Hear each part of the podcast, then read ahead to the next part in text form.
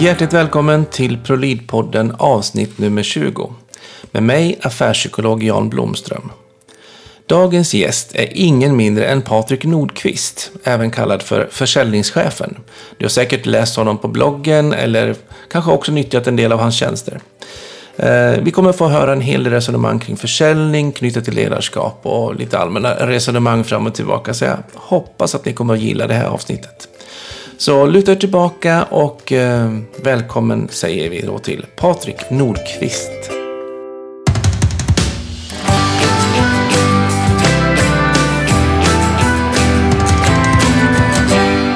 Hjärtligt välkommen till ProLid-podden, Patrik Nordqvist.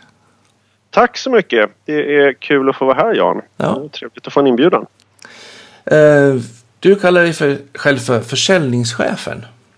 Och jag har förstått Ja. att du hjälper individer och företag öka försäljning och vinst.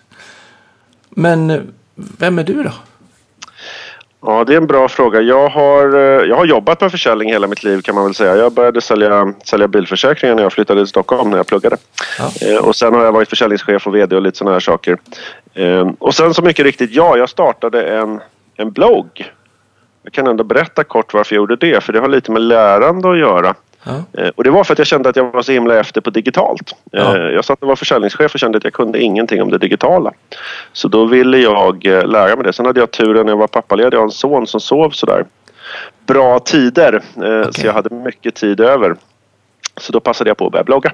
Vilket inte alla föräldrar kanske delar den erfarenheten. Absolut inte, full respekt för det. Men jag hade den turen. Så Ja. då, och då, jag är sådär ganska rastlös av mig så då kände jag att jag behövde någonting att göra. Ja. Eh, och då var namnet försäljningschefen ledigt. Så att det, jag ska erkänna direkt att det var ingen sån här väl genomtänkt tanke utan det var en liten lycklig slump. Sen visade det sig att jag fick många följare, många som läste om det. Och jag tycker det är kul med försäljning, eh, affärsutveckling och ledarskap. Så då blev det naturligt. ja.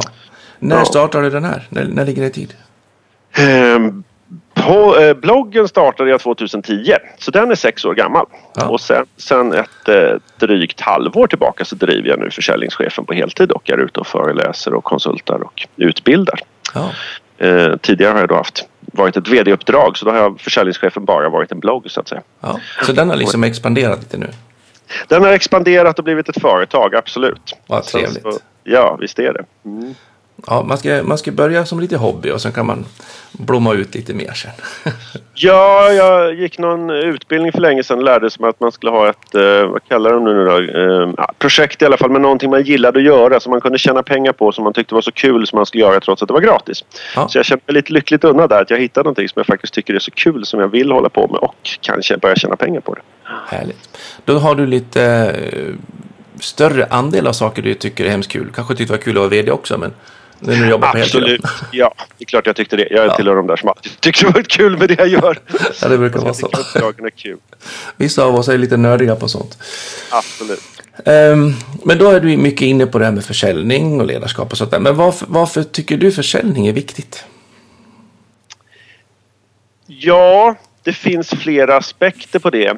Om, om vi ska börja lite stort så är det ju försäljning driver runt den världen vi lever i. Ja. Ehm, och jag ser, jag ser så många, jag har träffat så mycket småföretag om vi börjar i den riktningen, eller många företag som, som inte lyckas och inte kommer fram för att man inte kan sälja. Mm. Ehm, och därför tycker jag att sälj är någonting som vi ska bli duktiga på och jag tycker också det finns så mycket dåligt sälj och då menar jag sådana här lurendrejare och andra som egentligen inte är sälj. Eh, Så att det har fått en dålig stämpel. Mm. Sälj handlar ju mycket om att lösa andra människors problem, driva affärer, se till att utveckla saker. Så det tycker jag är kul på det viset. Och inte kränga sin egen portfölj. Nej, kränga är ett negativt ord för mig för du, behö- ja, du kommer inte lyckas med det idag. Nej. Det där håller på att dö ut liksom. Det, det, det, det kommer inte att funka i längden. Eh, att jobba så. Mm. Eh, det är klart att det har funkat för en del men i längden kommer inte det att funka. Sen ser jag kopplingar till ledarskap. Alltså sälj handlar ju om att övertyga andra människor. Mm. Och det är mycket det du ska göra som ledare också. Som chef kan du peka lite med hela handen och säga att så här ska göras. Men en bra ledare säljer in och övertygar sina saker och det gör också en bra säljare. Så med tanke på att vi sitter här på din podd så är det en väldigt naturlig koppling. Mm.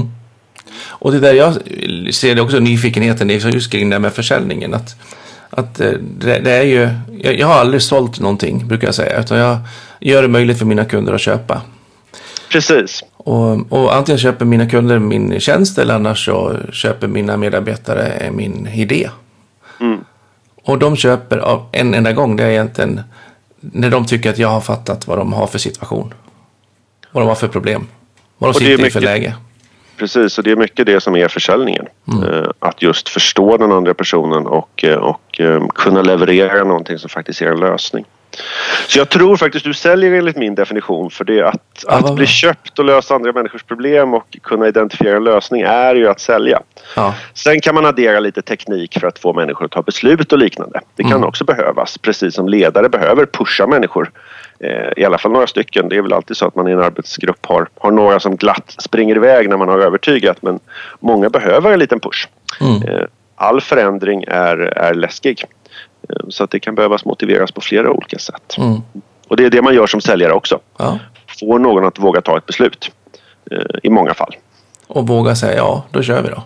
Precis, precis. Nej men alltså jag, och det vet jag själv. Jag har, jag, jag, eh, jag har många gånger i mitt liv, jag kan senast ta från mitt vd-jobb, tvekat att ta beslut. Mm. Eh, För att jag vet att när vi börjar ändra på det så kommer det oftast först att bli lite sämre. Det kommer att bli en massa jobb och det kommer att bli nya problem. Så det är klart att det är skönt att inte ändra på någonting och ibland är det bra när någon pushar en. Mm. Jag har ibland ändrat saker för att det är någon som har sålt in någonting nytt på mig. Eh, både en säljare eller någon annan. Eh, att det här behöver göras. Mm. Så det tror jag är helt naturligt att man tvekar lite där. Och det är väl en friskes, friskes del också, att man inte bara hoppar på allt utan tänker igenom och, och får se risker och Ja möjligheter. men det är klart man ska göra det. Det tycker jag. Och det är, väl liksom, det är bara att respektera att människor är olika där. Det är samma sak som det. Några, några springer alltid eh, ogenomtänkt och vissa andra måste man dra med sig. Så, att, Ja. så är det väl alltid. Och ser man det sen ur psykologens perspektiv med olika personligheter. Alltså, vissa vill ha det beprövade, det är det som man nappar och går igång på. Vissa bara wow, det senaste, det hoppar jag igång på. Så vi går igång på lite olika saker såklart. Absolut. Och det där, men där, tycker jag, där har du ju nästa liknelse mellan sälj och ledarskap. Eh, Om du, nu är inte jag psykolog men jag har lärt mig de där grunderna som du pratar om. Men, Ja. men eh, kan man läsa av sina medarbetare och vet hur man ska sälja in samma sak till dem? För som ledare så ska du genomföra samma förändring. Mm. Men den kan ju komma att behöva presenteras på tre olika sätt till tre typer av människor. Mm. Precis som du gör till kunder. Eh, De här kunderna som då vill ha något beprövat, ja då går du inte ut med din nya produkt till dem. Nej. Eh, Du vet vilka du har i ditt nätverk som just är såna här som hoppar på nya grejer och vill prova och vill vara först. Mm. Eh, Och det är lite samma sak som man får vara som ledare. Det är väl ofta som man genomför en förändring, har i alla fall jag gjort, att hitta vilka vill gå först. Ja, Kan de prova så kan vi sedan övertyga dem som behöver lite mer bevis precis. för att våga göra. Eh, Jag var borta i den här för, för några veckor sedan. Så mycket, mycket frustrerad över att det alltid sker mycket uppdateringar på datorer och sånt där. Och så har det varit ett nytt sätt med att hantera bilder på Mac och vad. Så då har hon anmält sig till en kurs.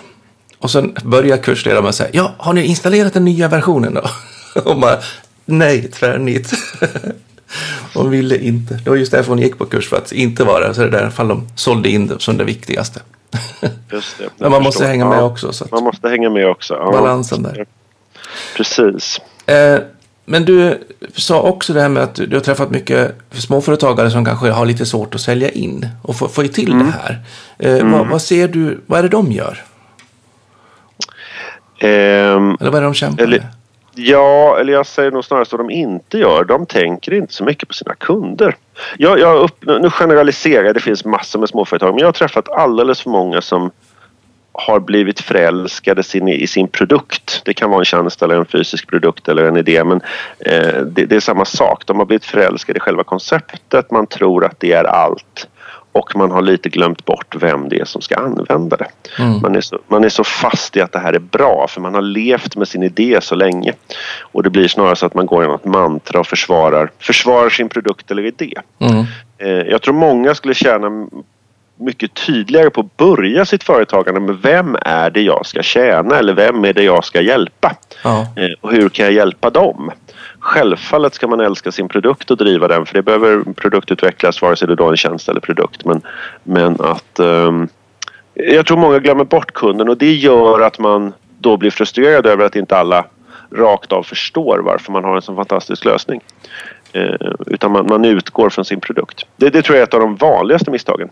Är det då man tycker kunderna är dumma som inte fattar hur bra den är? Ja, det det, det, tror jag är många som upplever det, att man tycker att de är dumma. Man, man, man fastnar i det och så blir det en dålig spiral att man går ner sig där. Mm.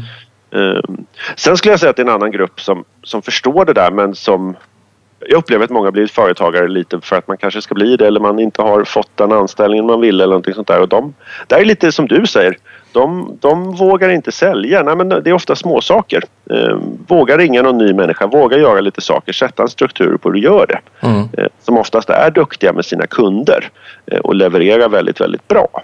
Eh, och därför får fler kunder men det tar längre tid än vad det borde göra. Ja. För de inte har lärt sig lite grundläggande säljteknik och hur man driver försäljning. Försäljning är ett yrke så det är någonting man behöver lära sig precis som allting annat. Mm. Det är inte samma tröskel som att bli psykolog för där behöver du sitta och plugga ett antal år för att få jobba med det överhuvudtaget. Ja, så är det ju. Men, men, men eh, som säljare behöver du också utvecklas och komma vidare för att liksom klara avancerad försäljning. Sen kan du prova börja eh, utan någon form av utbildning men det lär inte bli perfekt. Vi kanske lite mindre studielån också. Precis. man kan tjäna lite pengar under tiden. Men där tänker jag, jag tänker liksom hur, man är själv också och hitta sina egna lösningar. För att jag är en sån som har jättesvårt egentligen att ringa upp till en helt ny som inte jag känner. Mm. För jag har, liksom, jag har ingen anledning att prata med någon. Nej. Jag kan inte bara knacka på, du jag tänkte hjälpa, med, hjälpa ditt problem liksom. Eh, så det är ett, ett sätt som inte funkar för mig. Nej, och då ska inte du göra det såklart. Nej, men då har jag en annan sätt att lura mig själv lite grann. Och då brukar jag alltid fråga någon, när man sitter med någon som jag redan känner, har kontakt med, så vem är det i ditt nätverk som du tycker jag skulle prata med? Mm. Ja, men då har de nästan alltid någon. Och då ringer jag dit och säger, ja men du Patrik tyckte att jag skulle prata med dig. Du och jag har nog säkert någonting att vinna på att vi ska ha en lunch ihop eller en fika. Exakt. Och vips så har ju, de säger, 99 procent säger de ju ja. Ja, och det är ett utmärkt sätt. Jag skulle säga att så jobbar ju riktigt duktiga säljare också. Mm. Det är mm. väldigt få, i alla fall om du säljer något lite tyngre eller större som sitter och ringer kallt idag. Eh, helt kallt. Ja. Om vi ska ta så här, kalla kontakter funkar inte längre. Utan det handlar om att på något sätt få en referens. Sen om du har lyssnat på podden idag mm. eh, och skrivit ett mejl, ja då har man helt plötsligt en relation och kanske kan kontakta som du säger, man får det via en referens eller någonting annat. Mm. Så det, det, det, det gäller oavsett vad du säljer och hur du säljer att du behöver ha en bättre ingång än att bara hoppas ringa. på att ringa upp. Precis. Sen handlar det fortfarande om hur du presenterar det. Och det. Nu säger du hela tiden att du inte kan sälja men du kan ju uppenbarligen säga vad du kan hjälpa till med. Och du, jag tolkar det bara som att du är säkert duktig på att lyssna av behovet. Ja, det och det borde det vara med psykologin och där kommer vi in på ledarskapet igen. Mm. Det är ju samma sak. Vad behöver den här människan? Hur påverkar jag den här människan? Mm. Vad går de igång på? Det, det, är det man gör som ledare och det är det man gör som säljare. Och det är väl det man gör som psykolog också antar jag. Ja, jag faktiskt är det det. Jag kan ju aldrig förbättra mm. någon annans liv om inte man lyssnar in hur de har det. Om man Precis. sitter i, i, i ren terapi och samtal. På en timmes möte så brukar jag tänka att ungefär 50 minuter så har de bara lyssnat på vad de, där de får beskriva i sin situation. Mm. Och sen på slutet så blir det så här, okej, vill att jag ska summera och har jag ert mandat att tänka ut en förslag på lösning. Ja. Mm. Och, det, och det, där, men det påminner ju jättemycket om sälj och ledarskap egentligen. Mm. Eh, som säljare får du ta dig den tiden för det ligger i din roll. Eh, som ledare är det väl många som just inte får eller kan ta sig den tiden idag. Eh, som skulle behöva ta mer tid att lyssna och prata med personalen. Eh, det är väl många, många, de flesta ledarroller jag har haft och de flesta ledare jag haft under mig för den delen också har haft ledarskapet som en del. Mm. Sen har de flesta också haft någonting annat de ska göra. Det är väldigt få som har fått vara ledare på heltid vilket säkert skulle ha gynnats av ibland. Mm. Men, men kan vara svårt att motivera. Och där sitter man ju också kanske fast i lite processerna och rutinerna på företaget. Att man har massa saker att informera om på alla mötena. Absolut. Om man ska berätta vad som hänt sen sist. Istället för att tvinga sig in lite grann och skapa. För jag tycker igen det där med att lura systemen eller lura tankarna och lura i liksom koncepterna. Att, eh, att har man personalmöten och chef och just som du säger sitter med dubbla roller och inte har så mycket tid. Men mm. framförallt sluta med det som är bakåtsyftande. Säkerställa, ah, ja, har ni koll på vad ni ska? Har ni de förutsättningar ni behöver till nästa gång vi träffs? Absolut. Och då Absolut. har du ju frigjort den här tiden faktiskt. Ja. Utan att det tar mer tid. Så. Visst är det så. Men där är väl som i alla yrken, det finns många också ledare som tycker det är bekvämt. bekvämt. Vi kanske ska kalla dem chefer, men alltså personer som inte är riktiga ledare utan har blivit befordrade för att man har jobbat länge. Ja. Man är den som varit längst i arbetsgruppen och blivit chef. Inom vissa, vissa yrkesroller är det ju ofta så man blir chef. Mm. Eh, Vissa tränar sig sen att bli en bra ledare men det är kanske så att många skulle vara en bättre ledare eh, om man hade jobbat med det. Chefer Visst är det de så? som sitter och kåserar och berättar om vad man själv varit på för möten kanske.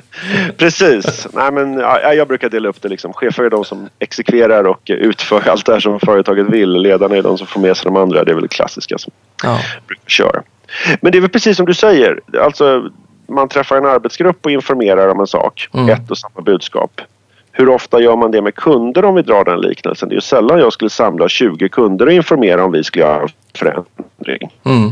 Utan jag skulle ju träffa dem en och en eller dela upp dem utifrån vad de behöver höra. Eh, Precis. Det där satt jag bara tänkte på just nu. Varför, har man inte, varför delar man inte oftare upp personalgruppen efter just kanske exempelvis vilka hoppar på saker direkt, bakåtsträvarna eller de som vill någonstans i mitten. Ja. Eh, För att just kunna ge bättre information och relevant information. ja, framförallt relevant. Ja, precis. Och, och tänker jag också i det med att, att inte bara gissa sig vad de behöver. Vilket man kanske måste göra som säljare ibland när man liksom inte träffar kunden så många gånger. Men som medarbetare, fråga. Vad går ni Fråga. igång på? Visst, både fråga, efter ett tag lär man sig och det finns väl, Ja. det är väl du mer bevandrad det finns väl tester och allting också sånt där som man kan jobba med. Jag har varit Ja, på arbetsplatser där vi gjort olika sådana där profiler. Det är ju ingen hel sanning men det underlättar lite att om man har delat sådana här personlighetsprofiler Ja. eh, så, så har man ändå någonting att utgå ifrån och man kan skoja lite om det och, och komma in på det vilket gör att det blir lättare att... Om man får lite eh, gemensamt språkbruk. Och, Absolut, jag skulle säga att det är väl snarast det och just att Ja. det blir lite mindre, mindre, mm, vad säger man, kontroversiellt att prata om det.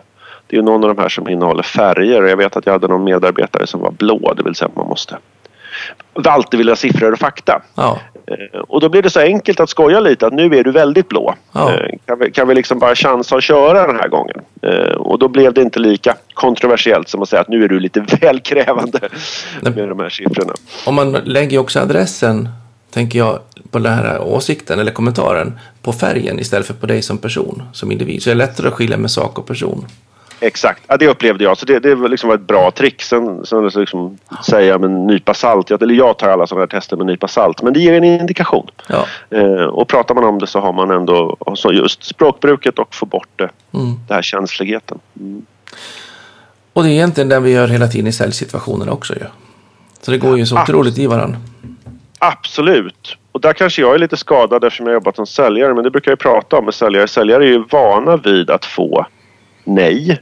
Man är vana vid att tappa affärer. Vilket gör också att man tar inte saker lika personligt. Nej. Eh, Det kan jag uppleva med många andra yrkesroller som jag varit chef över. Att där blir det oftare svårare att ta diskussioner. För det blir så lätt att det blir personligt. Och man känner, det känns som angrepp Ja. eh, när man ska prata om det. Medan, medan säljare oftast har kommit förbi det där. Man, är- man är så van vid, om du förstår vad jag menar, att få nej. Ja. Det där skriver jag faktiskt om i eh, boken som heter Chefen som personlig tränare. Det Ah. här med att det hjälper dem att snabbt se, det är en ny match igen. Alltså nästa kundbesök, nästa Mm. arbetsuppgift ska inte behöva betala straffet för att du förlorar förra affären. Vilket bra sätt då. Ja, men det, för det tror jag många skulle tjäna på just, just, just se det som att ja, det där var en match. Ja. Eh, ja, och, och också se att ja, men vad lär jag mig av det här? Precis. Och det här ser man på varenda hockeymatch eller fotbollsmatch. Vad tar vi med oss härifrån? Det andra glömmer vi. Det som var dåligt glömmer vi. Precis. Vi tar med en liten gnutta som var bra. In i Ja. nästa match. Eller Absolut. del av turneringen eller vad det nu är för någonting. Ja, ja men det, det, Kul. det, det, påminner, det, på, ja, men det är bra. Det påminner om en grej jag brukar göra med affärer. Det brukar man göra efter en affär så brukar man köra liksom. Har man förlorat en stor affär så brukar man gå igenom den med vad tar vi med oss så det här inte händer igen. Ja, Eller hur gör vi om det om Ja. vi vann då? Så man har dem liksom att, att eh, lärdomen. Sen släpper vi det och går vidare för Ja. sen är det nästa match. Mm. När jag nu jobbar aldrig jag med upphandlingar egentligen längre, men, men tidigare i mitt förra företag så gjorde jag mycket det. Och då hade vi en Mm. rutin att varje gång som inte vi vann ett utbud, anbud så begärde vi alltid ut vinnande anbudet. Mm. För att se vad var det de gjorde som inte vi gjorde. Yes, Nej, men det, det är standard. Mm. Det har jag alltid gjort när jag tappat större affärer så brukar jag ringa kunden och fråga vad var det, varför fick inte vi affären? Ja, Eh, Det är ju inte alltid man får ett ärligt svar men ställer man den frågan tillräckligt ofta så börjar man få en indikation på vad man behöver tänka på. mm. Eh, så att, och det är samma sak där. Släpp prestigen, våga för det gynnar ju dig i längden. Eh, det tänker jag också det som du nämnde förut. Om man verkligen gått igång på sin produkt och liksom mm. tycker den är så himla bra och är förälskad i den. Då ringer man ju och dumförklarar kunden nästan. Vad fan fick vi det inte för? Yes! Gör man det lite oftare och verkligen vill lära sig, då blir man ärlig och genuin. Och då får man ärligare svar, tänker jag. Absolut. Ja, och jag tror, och jag tror det handlar om att skilja på man ska vara stolt över sin produkt och man ska vara stolt och glad över sig själv också. Jag är väldigt egenkär på det viset men jag är medveten om att jag måste bli lite bättre. Mm. Precis som alla produkter och tjänster jag jobbat med måste också bli lite bättre. Mm. Eh, och bästa sättet att bli bättre är att lyssna på andra. Mm. Jag, tror, jag, jag, tror, jag ser inte att det är en mot, motsägelse det där med att få mycket feedback och få mycket kritik för den delen. Eh, och ändå känna sig glad och nöjd med hur man är. För jag, jag är glad och nöjd med vad jag har tagit mig idag. Mm. Men för att komma vidare på min resa så behöver jag utvecklas. Eh, det kan vara små områden, det kan vara stora områden. Eh, och liksom få den feedbacken där. Mm. Man brukar ju ofta prata om det med, med självförtroende och självkänsla. självförtroende ligger liksom till att jag är nöjd för att jag presterar mm. det jag gör. Självkänslan är att jag duger som person oavsett om jag vann eller förlorar affären. Kan du se att det är ett mönster att en bra säljare och en bra ledare är den som är trygg i sin självkänsla mer?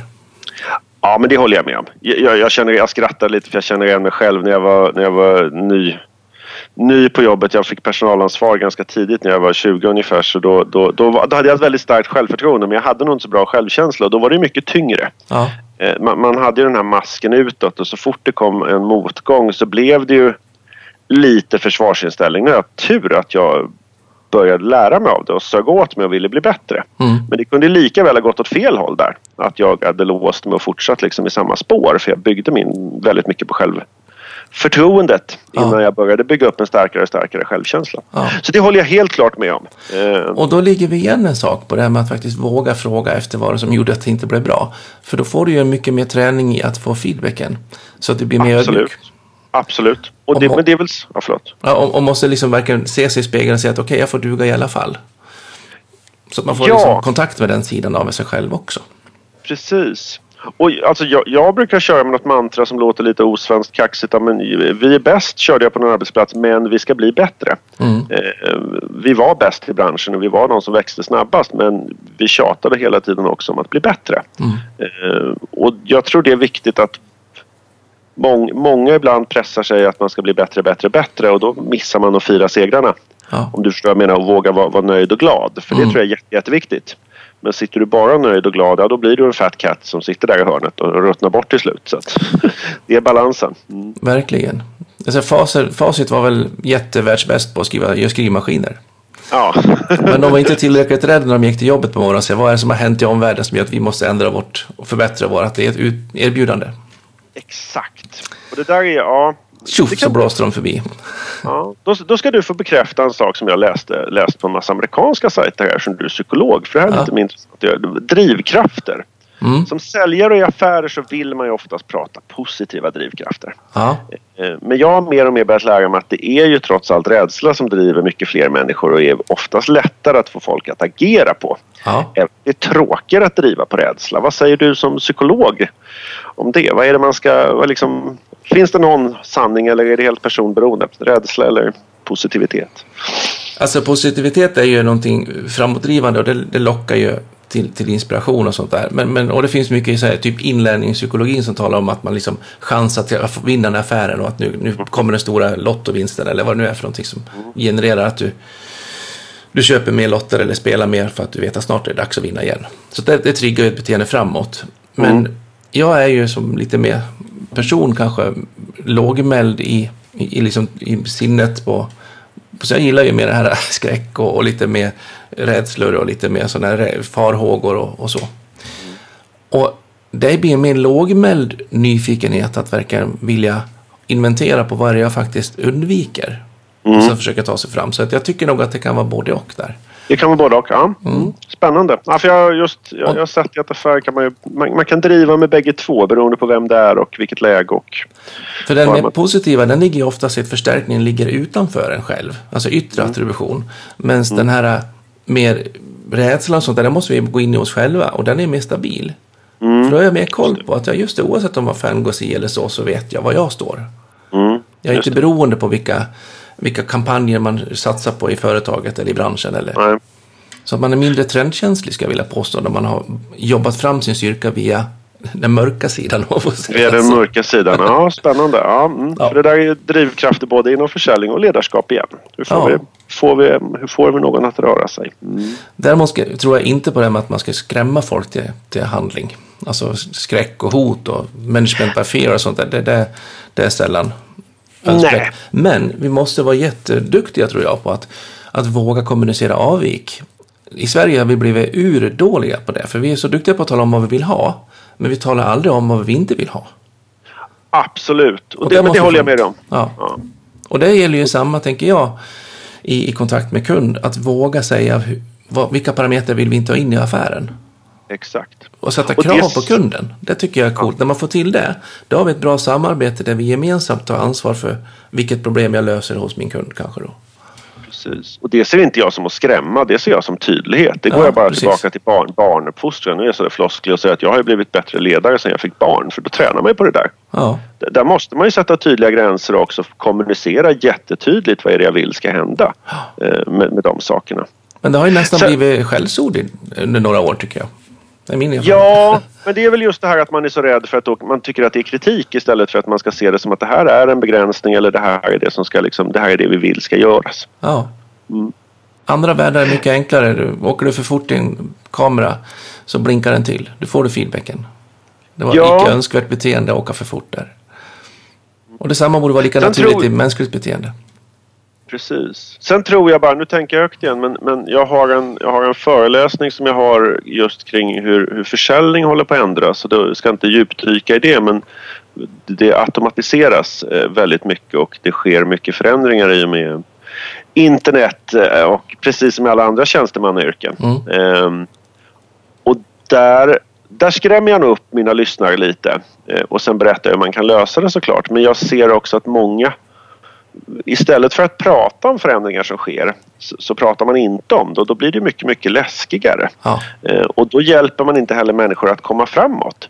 Jag tror automatiseringen är en sån sak. Mm. Om man tittar på industrin så är den automatiserad i stor utsträckning och det, personalen har minskat kraftigt. Jordbruket skedde ju för länge sedan. Ja. Eh, vi var jordbrukare allihopa eh, men där har vi också maskinerats bort. Eh, och nu kommer tjänstemannayrkena. Eh, och där ser jag att det är alldeles för lite prat om det vilket jag tror många då blir rädda, slår dövörat till och när det väl kommer saker så, så, blir, det, så blir det jobbigt. Mm. Eh, istället för att man börjar prata om hur kommer det här att påverka.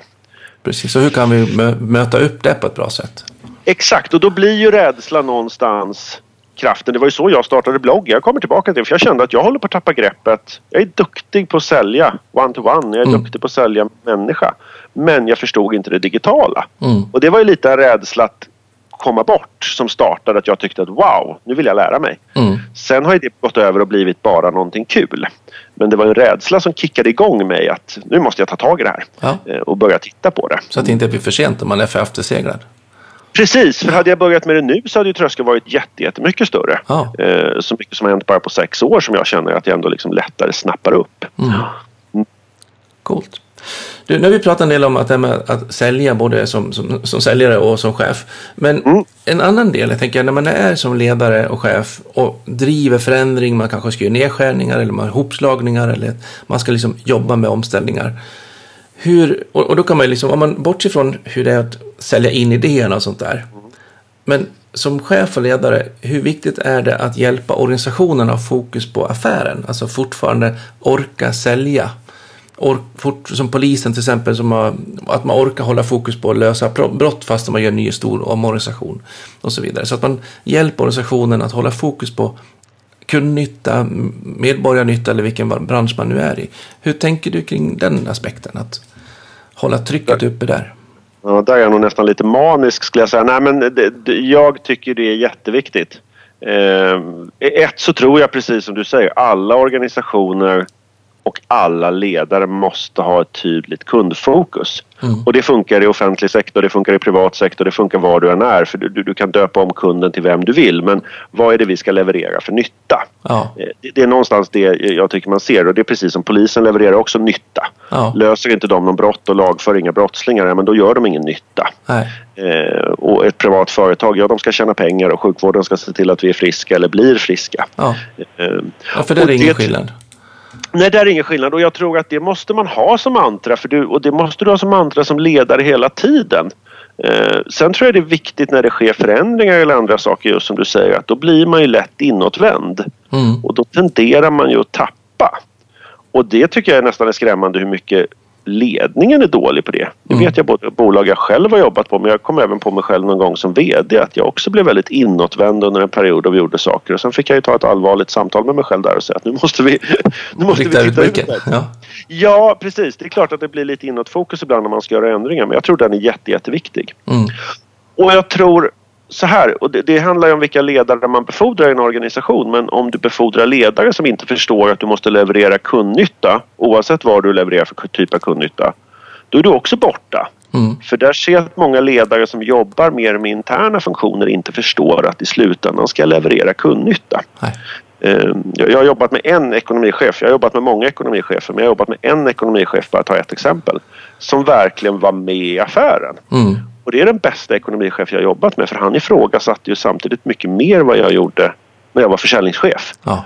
Jag hade mycket mer respekt för honom för han la sig i och ifrågasatte varför vi gav bort saker eller varför vi bjöd på för mycket.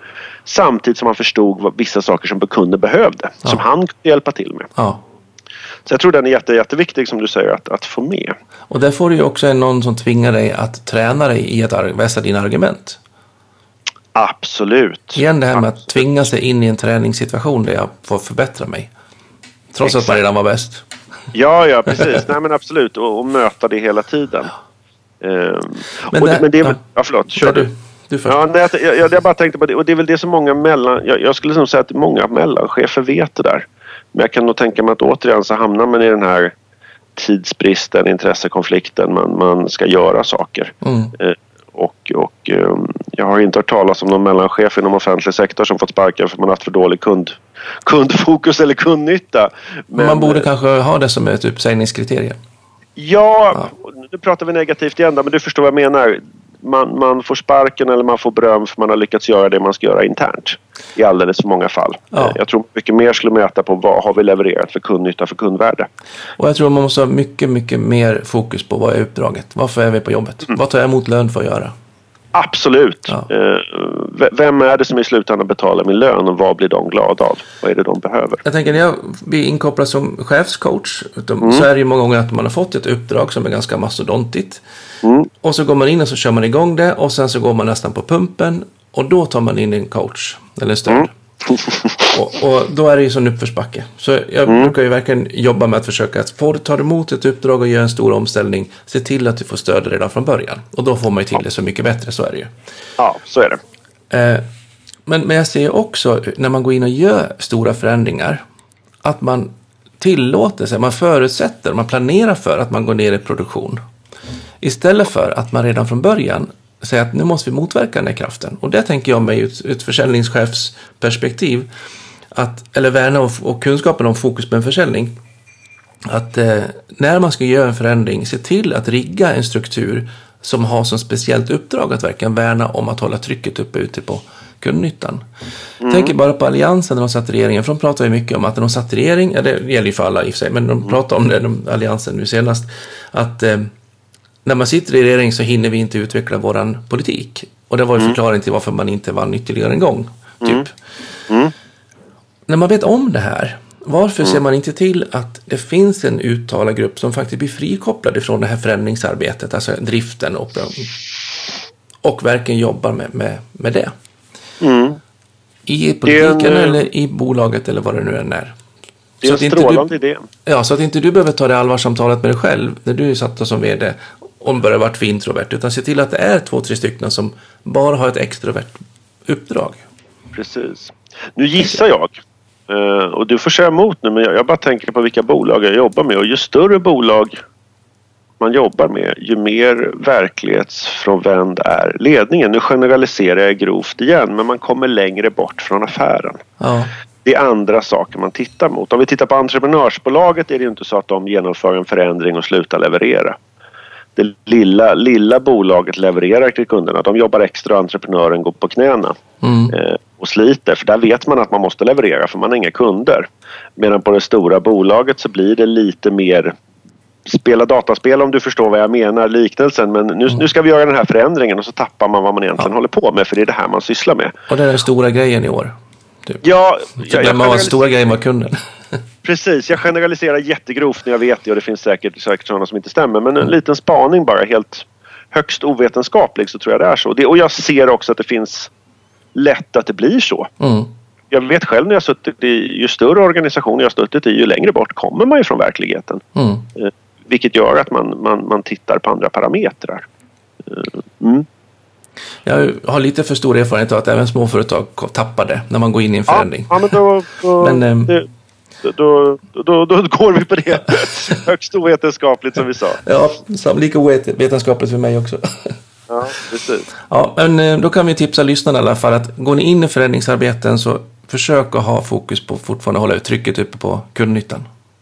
Absolut. Vad är det vi ska leverera? Ja. Hur ser vi till att göra det? Ehm, jag, ska berätta, jag kom på, vi, införde ISO-system på ett jobb. Mm. Ehm, och det är ju en elände kan jag säga. Men Mm. det var väl bra i slutändan. Men vi gjorde så att vi delade upp det i två steg.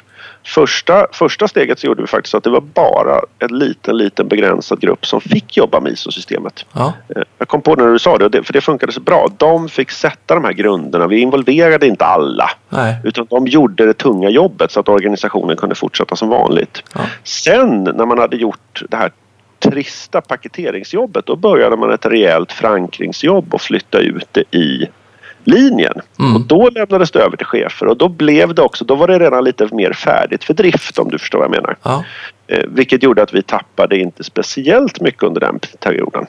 Så där gjorde vi tvärtom. Där var det en väldigt liten grupp som fick jobba med själva liksom det här. Du vet, sitta i möten och komma fram till allting. just det. Eh, det var, det var, vi, vi, vi- vi, chansade lite men den gången gick det bra. Att just ha väldigt få grupper som fick vara med från början. Och då är frågan nu vilken, hur, vilken grad är man medveten om att det var därför man gjorde det? Eller om det bara blev så? Och det vet jag inte. Det, det var för länge sedan. Men jag kom just på den där. För det, jag vet att vi var helt chockade över att det hade gått så bra. Alla blev oroliga när vi skulle starta det här ISO-projektet. Men Coolt. sen visade det sig att det flöt på ganska bra. Eh, en liten association kring det är att när man gör en liten grupp sådär, precis som du säger, eh, och sen när det är nästan färdigt och ska göra en förankringsprocess, då har man ju oftast en liten uppförsbacke ibland med att få förankringen till, för att man inte varit delaktig från början. Det ser man, tycker jag, mer och mer nu på arbetsmarknaden. Man vill ju vara med redan från start. Ja, Men då kan man gärna trixa det genom att göra en hemskt kort briefing där man får tanka ur organisationen tips och idéer. Vad vi ska tänka på inför att vi ska göra grovarbete med ISO till exempel. Sen Precis. stänger man det fönstret. Sen låter man lilla gruppen jobba. ja, Och när det är klart sen att gå ut och- och ska köra då den fördjupade breddningen och förankringen. Då är de redan med fast de inte varit med på ett halvår, ett år. absolut. Så det kan vara ett bra trix, också, att liksom verkligen dela upp en sån här förankring eller förändringsarbete. Där man säger att här är ditt fönster och så stängs det och så öppnas det igen sen om åtta månader. Exakt. Och nu drog du en försäljningstaktik för det där är ju samma sak man gör om man har en kontaktperson. Eh, Och man vet att det är flera beslutsfattare eller påverkare som det kallas inom försäljning. Jag tycker Ja. det är så kul att det är så många liknelser. Ja. Då ser man ju som säljare till att få med deras input någonstans. Ja, Även om inte min kontaktperson gör det så vill ju jag som säljare se till att vilka påverkare finns det nu i organisationen? Hur kan jag så tidigt som möjligt få dem att lära känna mig och veta vad jag vill och att jag får input från dem? För i annat fall så är risken jättestor i slutet att jag tappar affären. När jag och min kontaktperson har suttit och gjort det här. Sen presenteras och så blir det ingenting. Så Nej. att det, det är exakt samma taktik. Jag sitter och skrattar lite här åt att det, det är så mycket likheter. Mm. Ja. Du, eh, är det någon gång man inte ska tänka försäljning? Ja, det är det säkert. inte i min värld. Nej, så här, jag, jag, jo, nej, försäljning ska man nog inte alltid tänka. Däremot kan jag helt ärligt inte komma på något läge där man inte ska fokusera på kunden och kundnyttan just nu. Eh, in, inte, inte långsiktigt. Det är klart att det kan finnas någon liten detalj. Man måste följa lagar och regler men det kan ju också dra ut till kundnytta. Mm. Följer du inte lagar och regler så kommer du inte att leverera och då kommer kunderna bli ledsna i alla fall. Så att, att ha kunden och då vårt vidare begreppet av kunden som vi redan har sagt. Det du ska leverera, den nyttan du ska leverera. Mm. Eh, Det tycker jag alltid du ska ha i fokus. Ja. Försäljning däremot är, är ju en, en, det är en del som ska göras. Mm. Så det, det, behöver inte alla fokusera på hela tiden, även om jag kan tycka det. Men, mm. Mm. Jag håller nog med dig. Jag ser inte heller ja. något riktigt tillfälle där man inte ska göra det. Jag tänker lite utifrån entreprenörskap också. Jag, kom, jag är uppvuxen på ett lite mer bruksort. Mm. Ehm, och, och, de som då blir entreprenörer där, mm. när man då ska typ säga upp sig från sitt fasta jobb för att starta mm. sitt företag mm. och så vidare. Ehm, där är ju också en försäljningsprocess, att sälja in det till sitt nätverk, till sina familjestrukturer, kring sin närmiljö. Absolut. Vilken idiot man är som offrar mm. liksom det trygga, stabila. Mm. Och det är någonting jag märker på en del, eh, de som verkligen vill bli egna företagare och, och satsa mm. kliva av. Liksom, eller som du nyss har klivit av från en mm. chefstjänst och mm. mm. kliver in och startar eget. Alltså det är en process det också. Har du några tankar kring hur man kan tänka försäljning där? Sälja in de här idéerna? Eller är det något liksom off topic för dig? Ja, ett så måste jag säga att jag, jag har ju... Jag kommer ju inte från en bruksort. Jag är inflyttad till Stockholm och, och jag har nog bara människor som är lite entreprenöriella. För jag, jag satt och när jag kläckte att jag skulle starta eget så fick jag nog snarast äntligen och flera av mina gamla chefer sa att det var på tiden att du satte igång med det. um, så här, jag kan berätta vad jag gjorde för jag fick en kanonstart. Jag var ju fullbelagd nästan direkt från, från dagen jag satte igång men jag gjorde helt enkelt så att jag mejlade ut vad jag skulle göra. Mm. Eh, och inte så säljande utan mer som en uppdatering. Mm. Eh, och då menar jag till hela mitt nätverk. Jag mejlade och, och kontaktade verkligen nästan alla. Och skrev jättemycket personliga mejl och berättade lite vad jag höll på med, vad mina tankar var. Mm. Eh, och det gjorde att jag fick Ja, jag fick jättemycket positivt. Jag mm. förstår att det, det, är skillnad var man kommer ifrån, att man kanske måste prata ner det. Men jag fick ju också massa bra idéer och jag fick en massa input. Mm. Eh, vilket gjorde att jag genast slipade till grejer. Eh, och, och i och med att jag började träffa rätt mycket människor så fick jag också de bitarna runt där omkring. Eh, men där kommer vi tillbaka till att sälja in det. Och det tänker man väl inte på när man ska starta som entreprenörskap. Jag tänker på det i en bruksort då, men, men där gäller det också. Hur hanterar jag de som kommer att vara negativa? Mm. Eh, det, det, är samma sak som man som säljare möter på kunder som är negativa. Ja. Man får inte låta dem ta energi ifrån dig. Nej. Eh, jag uppmuntrar till och med de kunder jag coachar och jobbar med att man ska tacka nej till kunder. Mm. Eh, kunder som är för negativa eller kommer att suga för mycket energi, de, de ska man tacka nej till och se till att det här är ingen person jag kommer att jobba med. Nej. Och där kan jag väl låta lite krass också då. Har du människor i din bekantskapskrets som bara drar ner dig eh, och bara hindrar dig då ska man väl överväga, är det här någon jag ska umgås med? Ja, faktiskt. Eh, sen, sen, som du säger, visst att människor uttrycker en skepticism och rädsla, det är en annan sak så att man inte drar för mm. hårt på det jag säger. Men eh, jag har nog under åren avvecklat en del bekantskaper för jag har känt att de här kommer inte att ge något. Mm. De, de håller bara mig tillbaka. Eh, jag får inte ut något av den här relationen. Eh, sen har jag inte ringt och gjort slut i alla lägen kanske så bokstavligt men man har låtit det glida iväg för jag har ja. känt att det här kommer inte att ge något. Och att de kanske ger något om de finns långt ute i periferin men inte som någon nära. Absolut. De, de ändrar karaktär. Exakt. Slipper man liksom inget... gör, gör, gör slut som du säger. Exakt, exakt. För det är lite hårt och det är inte alla som vågar det. Men jag, jag tror man ska tänka på, eller jag, och det är väl ett generellt tips vare sig du vill bli ledare eller framgångsrik i vad du än är. Jag, det, jag läste någon sån här flosklig artikel på LinkedIn nyligen men jag tyckte den var så sann. Att du blir lite summan av dem du umgås mest med. Ja. Eh, och jag tror att du ska ha en medveten tanke vilka du umgås med. Mm. Eh, är du bäst i gruppen hela tiden så kommer du inte utvecklas. Nej. Eh, hitta människor i ditt nätverk som faktiskt är bättre på dig eh, inom vissa områden eller det du vill utvecklas. Jag utbildade mig ju som psykolog i Norge. Mm. Och eh, där har man ju liksom en helt annan approach på, på varför man går på psykologprogram och sådär. Och jag mm. var ju jättestolt när jag blev färdig så jag kom hem och liksom, åh, jag har blivit psykolog. Mm. Och möttes liksom av attityden, åh nej, har det gått så illa för dig? Så jag vart ju jätteprovocerad. Så jag, mitt första företag heter Psykologorden och det är en stor skylt på entrén. Vilket resulterar, jag bodde på en liten ort, parkerar ju folk på andra sidan området liksom och gick bort till mig så inte det skulle synas att man var hos en psykolog. Så det finns mycket kopplat till det där.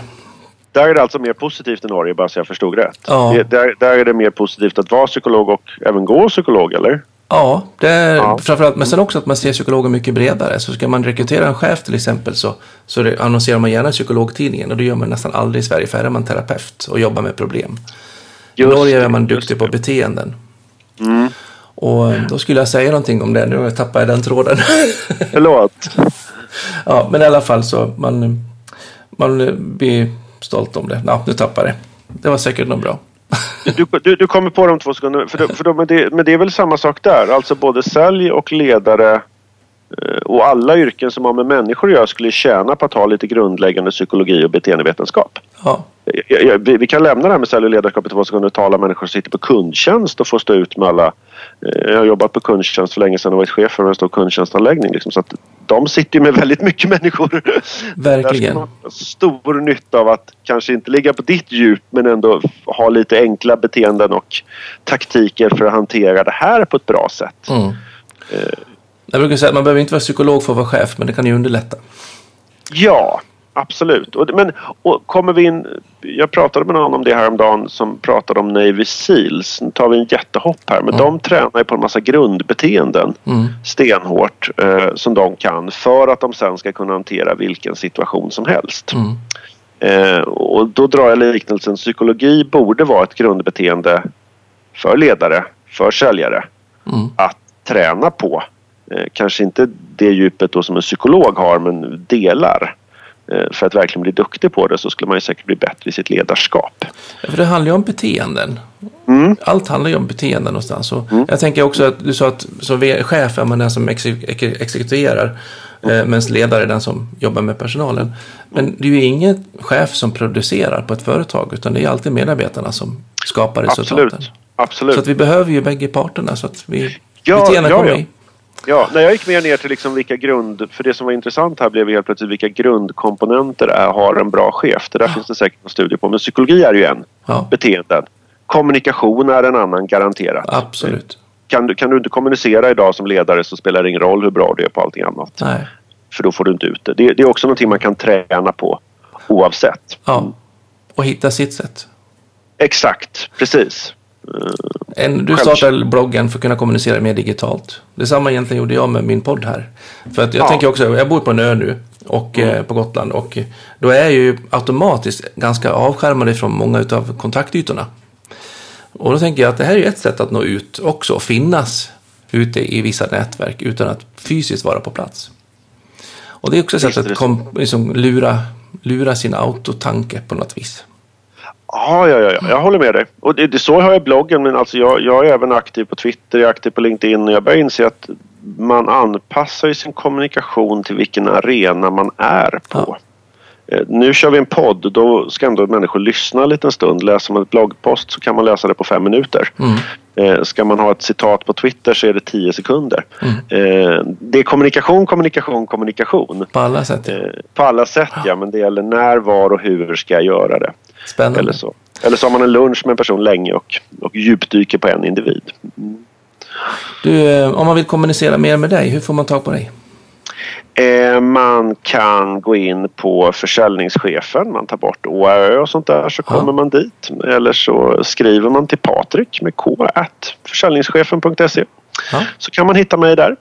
Eh, det brukar vara ganska enkelt så finns det små kontaktformulär och det kommer upp att man ska höra av sig. Mm. Och då kan man både få eh, lite kontakt, lite coachning, man kan anlita dig som föreläsare.